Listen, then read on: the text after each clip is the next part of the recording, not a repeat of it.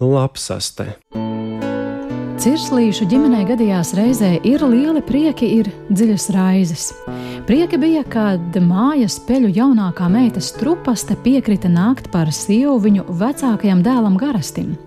Raizes sākās, kad vecā pele paziņoja savus noteikumus, bet, ja garastis tos neizpildīšot, tad strupasti par sievu viņam nemūžam nedabūtu. Noteikumi bija ļoti smagi. Garastim vajagot kāzu dienā savas mītnes apkārtni nopušķot ar kaķu astēm. Tas izskatīšoties ļoti skaisti un būšot pierādījums, ka jaunais vīrs var būt varonīgs un, lai dievs nedod, ļaunā brīdī aizstāvēt viņu pādīt pret visu peļu briesmīgāko ienaidnieku, slaveno razbainieku Melno Runci.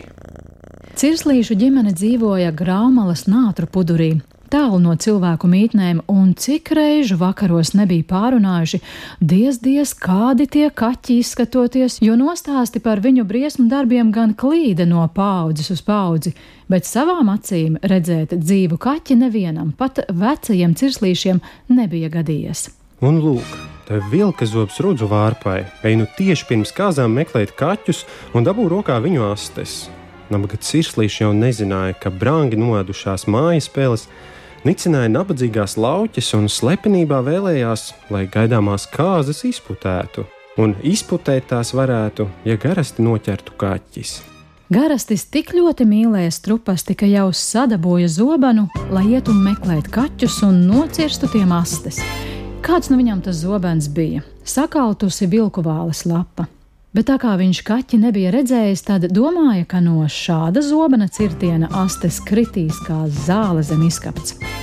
Garastis būtu aizgājis kaķa medībās, ja māte asarām acīs neizlūgusies, lai kaut vienu dienu vēl pagaidot, gan viņa pa to laiku kaut ko sagudrošot. Cirslīšu māte izlīda no nātru pudura un galvu uz augšu pacēlusi, domāja un domāja, tik stipri domāja, ka purniņš raustījās un ūsas kustējās. Un, ja tik ļoti domā, tad arī rodas padoms. Viņai jāiet pie lapsas. Tā ir viena gudra sieva ar kuplu asti, un, ja viņu ielūgs kāzās, tad var norunāt, lai dāvanas vietā viņa to vakar savu asti pakar nātres zarā. Lapsa, padzirdusi, ka garastis preces ar mājaspēles meitu aplaizījās. Cirslīšus viņa neaiztika, zināja, ka tie ir negaršīgi, bet mājas spēles, nu, viņa izprašņāja cirslienu vai daudz līgavas radu sanākšot, vai nevarot viņa arī savus bērnus līdzi paņemt, tie visi savas astes sakāršot nātrēs. Tā nu arī izdarīja. Labs un lapsāni ieradās jau laikus, sakāra astes nātru zaros, bet paši aizslēpās aiz akmeņiem, daži ielīd arī grāvī, teicās nosnausties. Metās jau krēsla, kad graumals zāle sāk čaukstēt, jo līgavas radi nāca baru bariem. Cirslīši izgāja pretīm saņemt viesus un apjautājās, kā jaunie radi esot apmierināti ar šo pušķojumu. Grēzni jau izskatās, galvu grozīdama teica strupastes māma, bet tādas astes gan es kaķiem nesmu redzējusi.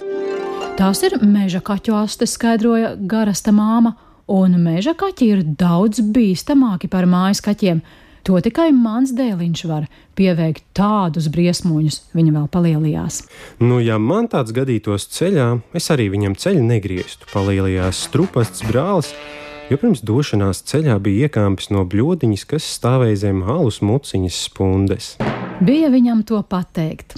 Kad no grāvja, no liela akmeņa aizmugures izlaica lapsu bariņš un metās virsū. Cits lielībniekam, cits viņa māmai, cits papam, brālēniem un tantēm. Labi vēl, ka garastis paguva strupasti ieraut nātru pudurī. Kurš rats izglābies, kuru noķēra lapsa, to strupasti tā arī neuzzināja.